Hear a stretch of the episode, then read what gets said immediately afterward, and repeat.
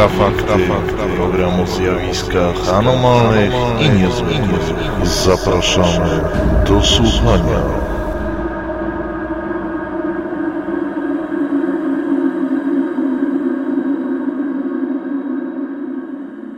Witam w Infrafaktach. Mówi Michał Kuśnierz. To pierwsze wydanie Infrafaktów w roku 2013.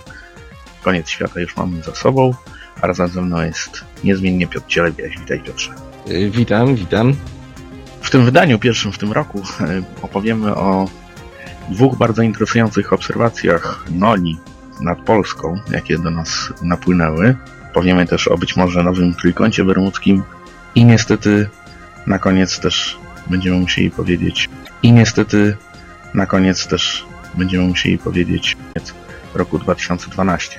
Ale przejdźmy na początek do bardzo ciekawej obserwacji UFO nad Sosnowcem, czyli niezidentyfikowanego obiektu latającego, który został zarejestrowany przez jednego z naszych y, czytelników. Film jest dostępny na naszym forum, jak też na naszym kanale YouTube. Został powielony też przez różne lokalne media. Stał się bardzo popularny, bowiem rzeczywiście jest interesujący. Wywołał żywą dyskusję na naszym forum. Piotrze, co możesz powiedzieć o tym filmie, na którym widać, y, no tak naprawdę po prostu przelatujące światło, czy też może światła, formacje świateł. Trwają spekulacje właśnie, czy był to być może helikopter, samolot, a być może coś innego. No właśnie, pan Krzysztof G., który nadesłał nam ten film, y, nie był pewny, co to było. Natomiast zdziwiło go mm, to, że ten obiekt y, w momencie, kiedy znalazł się naprzeciwko niego w górze, no miał formę trzech, czasami czterech świateł. Do zdarzenia doszło 27 grudnia ubiegłego roku w Sosnowcu około godziny 18.30, kiedy pan Krzysztof razem ze swoją e, partnerką przejeżdżali trasą. Yy, W pewnym momencie zauważyli, że równolegle z ich samochodem e, porusza się jakieś dziwne światło, mm, dość jasne. Mm, Pan Krzysztof twierdzi, że początkowo miało formę jednego światła, potem pojawiły się dwa światła, a na końcu trzy. Mm, Sprawiało to e, takie wrażenie jakiegoś latającego trójkąta. Myśmy z racji e, takiego dość żywiołowego komentowania tej sprawy wyciszyli tą warstwę słowną tego filmu, bo tam na żywo świadkowie komentują to, co widzą. Natomiast y, rzeczywiście mieli wrażenie, że to był, że to był jakiś latający trójkąt. Potem widać było na przykład czwarte światło. Ym, Świadek wspominał jeszcze, że w, podczas obserwacji zauważył jakieś drobniejsze czerwone i, i, niebieskie światła jakby we frontowej części tego obiektu, chociaż rzeczywiście trudno tu powiedzieć, która część była frontowa. Co ciekawe, mm, nikt więcej się nie zgłosił, to znaczy, jak powiedziałeś, ten film został opublikowany przez kilka lokalnych e, gazet i serwisów. Dostaliśmy kilka zgłoszeń, ale żadne z nich nie dotyczyło tego zdarzenia. Oczywiście pojawiły się też gło- głosy mm, próbujące wyjaśnić, co to było i, i my chyba w tym momencie, no początkowo byliśmy skłonni mm, powiedzieć, że to był jakiś e, jakiś dziwny pojazd latający rzeczywiście, ale ym, w momencie analizy tego filmu ym, okazało się, że jednak, jednak mógł to być y, helikopter. To znaczy mógł, ale nie musiał. Jeszcze czekamy na dodatkowe relacje ym, y, i ustalenia ze strony świadka. Natomiast musimy pamiętać, że obserwacji dokonano z wnętrza samochodu i sam film również y, nosi pewne mankamenty. Nie jest najlepszej jakości, ale wydaje mi się, że jest o tyle ciekawy, że już zyskał wiele, wiele odsłon na YouTubie. Tak jest, zachęcam do obejrzenia tego filmu i wysnucia swoich własnych wniosków na ten temat. Oczywiście my cały czas czekamy na opinię Nie, i tutaj cały czas się konsultujemy z naszymi kolegami, co o tym właśnie myślą. Bieżąca dyskusja jest dostępna na naszym forum paranormalne.eu. Ale powiedzmy też o drugim przypadku. On dotyczy wprawdzie początku e, zeszłego roku, ale jest bardzo interesujący. Pochodzi z Wrocławia. Żeśmy tę sprawę udostępnili panu Damianowi Treli, który z nami współpracuje. I na podstawie relacji świadka, spotkania ze świadkiem wizji lokalnej, pan e, Damian opublikował u nas e, artykuł pod tytułem Dziwna kula nad Wrocławiem. E, Ja może króciutko zacytuję tylko fragment tej pierwszej relacji, jaka do nas napłynęła. Chodzi o zdarzenie z 25 lutego 2012 roku, godzina około 21. Widziałem we Wrocławiu z okna swojego mieszkania kulę ognia wielkości, jak szacuję, około 1 trzeciej do 1 czwartej tarczy księżyca, która nadleciała od strony lotniska w kierunku zachodnio-południowo-zachodniego. No właśnie, ale ta relacja też pociągnęła za sobą, publikacja tej relacji pociągnęła za sobą y, też kolejne doniesienia i nawet zdjęcia.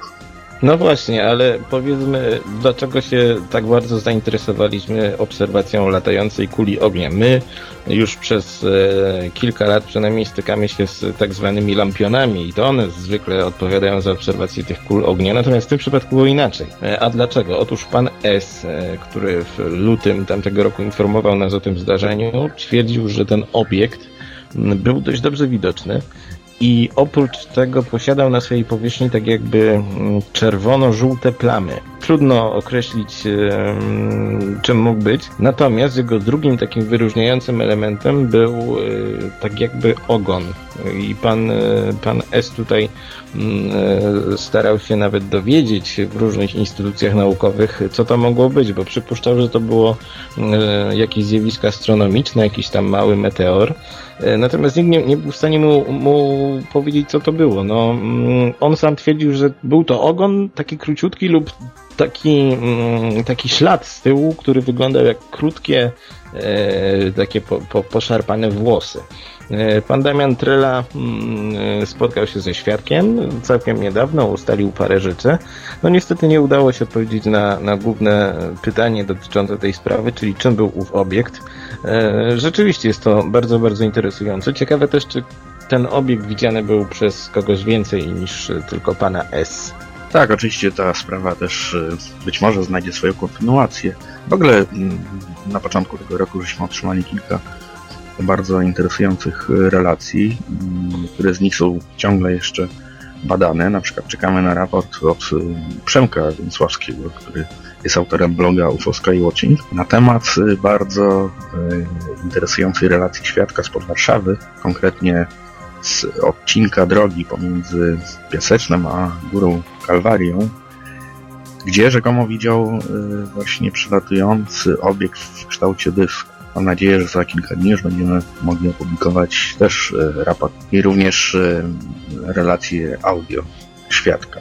Być może ktoś jeszcze także się zgłosi w tej sprawie. No właśnie, ta sprawa, którą bada Przemek jest bardzo ciekawa, dlatego że obejmuje obiekt, którego charakterystyka jest taka dość niespotykana, bo mm, latające talerze, słynne latające talerze to coś, co widzi się niezwykle rzadko. Mamy jeszcze jeden przypadek, tylko o nim nie chcemy mówić za bardzo, ale może być to taka potencjalna bomba. Pamiętamy, że, że na początku grudnia ubiegłego roku otrzymaliśmy relację o dziwnej istocie widzianej niedaleko Iłży, także mm, końcówka tego roku, wbrew y, jego wcześniejszym miesiącom wydaje się rzeczywiście bardzo ciekawa. No ciekawe co przyniesie też ten rok, bo mm, w ubiegłym roku zanotowaliśmy jakieś 50 obserwacji Noli, wspólnie oczywiście z naszymi kolegami, Arkiem, Miazgą, Przemkiem i, i, i tak dalej. No a ten rok, y, mogę powiedzieć, już rozpoczął się bardzo ciekawie, ale o co chodzi to może e, powiemy w kolejnym wydaniu Introfaktów. Tak, a tymczasem może przyjdziemy się na chwilę za granicę, konkretnie do, e, aż do Wenezueli, bowiem pojawiły się informacje o tym, że być może istnieje tam tak zwany nowy trójkąt bermudzki. Chodzi tutaj o wyspy Los Roques, właśnie u wybrzeży Wenezueli. Co możemy o tym powiedzieć, Piotrze? Całkiem niedawno to miejsce stało się znane dzięki temu, że zaginął tam e, samolot, na pokładzie którego znajdował się ponoć dość znany projektant e, mody, włoski projektant mody. No i rozpoczęło to serię spekulacji, dlatego że mm, od połowy lat 90. był to bodajże 15 przypadek, kiedy nad Los Roques i okolicą yy, giną samoloty albo doznają jakichś dziwnych awarii. No, ciekawa sprawa. Yy, podano tutaj kilka przykładów, że, że na przykład yy, kilka lat temu doszło do katastrofy na morzu, Mm, kiedy samolotu nie udało się znaleźć, znaleziono tylko jedno ciało. Oczywiście od razu porównano sprawę do słynnego trójkąta bermudzkiego, który znajduje się może nie tak bardzo daleko na północ. Czym jest trójkąt bermudzki, to chyba no, wszyscy wiedzą tak z grubsza. Jest Jest to obszar rozciągający, właściwie obszar, który nie ma wyznaczonych granic, rozciągający się od Florydy po Bermudy i Portoryko, na którym dochodzi do anomalnych y, przypadków zaginięć y, samolotów i, i statków. Jednym z najbardziej znanych incydentów jest y, dosłowne przepadnięcie eskadry amerykańskich samolotów w 1945 roku. Problem z Trójkątem Bermudzkim jest taki, że bardzo trudno oddzielić relacje wartościowe od tych mniej wartościowych, no a główny problem jest taki, że po prostu obszar ten nie jest dokładnie zdefiniowany. Rzeczywiście to jest wielka połać morza i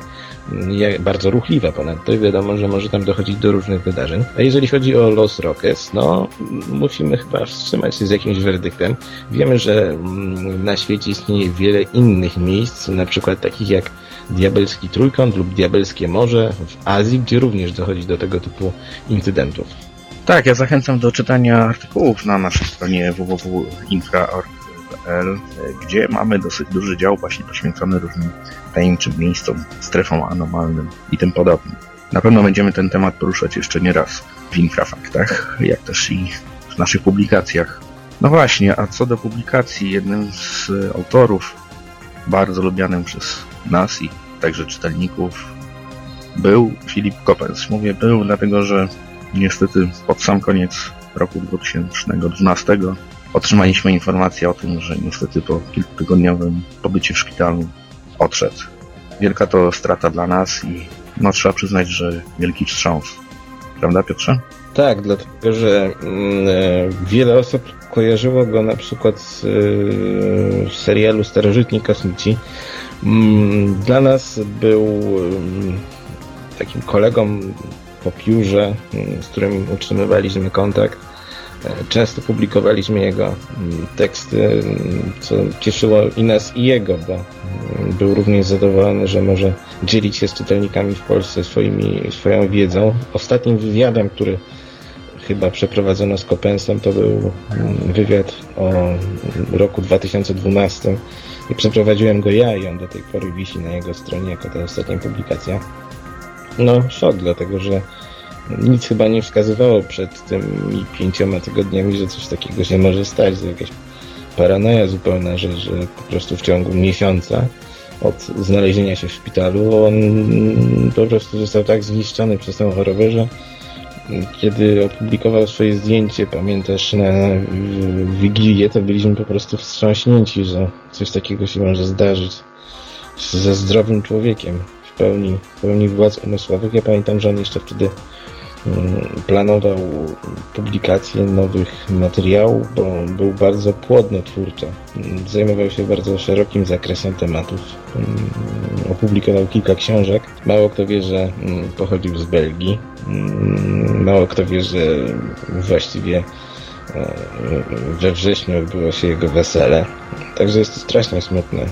Mamy tylko nadzieję, że właściwie jedyne co pozostaje to, że ta, ta jego praca nie, nie przepadnie i, i będziemy mogli w miarę możliwości mm, publikować bardzo dużą jeszcze część materiałów, które po nim pozostały. Tak jest, dorobek jego jest bardzo duży, niezwykle interesujący. To rzeczywiście tragiczna wiadomość, ale nie jedyna, niestety, bowiem już z kolei na początku tego roku otrzymaliśmy informację o odejściu Iwana Makerle, wybitnego czeskiego badacza, poszukiwacza e, tajemnic podróżnika, również autora wielu tekstów, e, do których żeśmy się odwoływali, przede wszystkim w związku z, ze słynną syberyjską Doliną Śmierci, którą osobiście badał wraz ze swoimi kolegami. Miał 70 lat, e, chociaż na tyle nie wyglądał, trzeba przyznać, ale to też wiadomość, która nie napawa optymizmem na bieżący rok. No właśnie, Makerle był w przeciwieństwie do wielu badaczy bardzo mobilny, to znaczy on odbył wiele podróży na przykład do Mongolii, na przykład do Azji Południowo-Wschodniej i w inne regiony świata, gdzie poszukiwał, głównie to poszukiwał kryptyd, czyli tych istot legendarnych, którymi zajmuje się kryptozoologia. Pamiętam, że w Mongolii poszukiwał słynnego mongolskiego robaka śmierci, natomiast chyba ostatnim takim bardzo głośnym wydarzeniem była jego wyprawa w poszukiwaniu słynnych kotłów znajdujących się nad rzeką Wiluj, na Syberii. Myśmy o tym pisali, to jest jedna chyba z najbardziej interesujących rosyjskich stref anomalnych i, i rzeczywiście no, z racji tego, że to jest ogromny po prostu obszar dziki, totalnie niezamieszkany, Makarele miał tam pewne trudności. Natomiast z opublikowanych zdjęć i filmów widać, że udało mu się odkryć tam przynajmniej jakieś obiecujące miejsca, które mogą rzeczywiście kryć ruiny tych, tych legendarnych kotłów, tych instalacji tajemniczych, pozostawionych nie wiadomo przez kogo nie wiadomo do czego służących. Jeżeli ktoś jest zainteresowany Syberyjską Doliną Śmierci, to polecamy artykuł, który znajduje się w dziale Strefy Anomalne na naszym forum. Tak jest, na forum też mamy duży artykuł o e, Syberyjskiej Dolinie Śmierci. Także jeśli ktoś e, nie jest zorientowany w tym temacie, zachęcam do lektury. Do udziału oczywiście w dyskusji na forum. Mam nadzieję, że w roku 2013 jak najmniej będzie właśnie takich smutnych pożegnań. Tymczasem zapraszam do odwiedzenia forum paranormalny.eu, naszej strony www.infra.org.pl, jak też naszego profilu na Facebooku. Wystarczy wpisać serwis Infra. Dziękuję Piotrze za udział. Ja również dziękuję. I do usłyszenia w kolejnym wydaniu Infrafaktów. Dziękuję.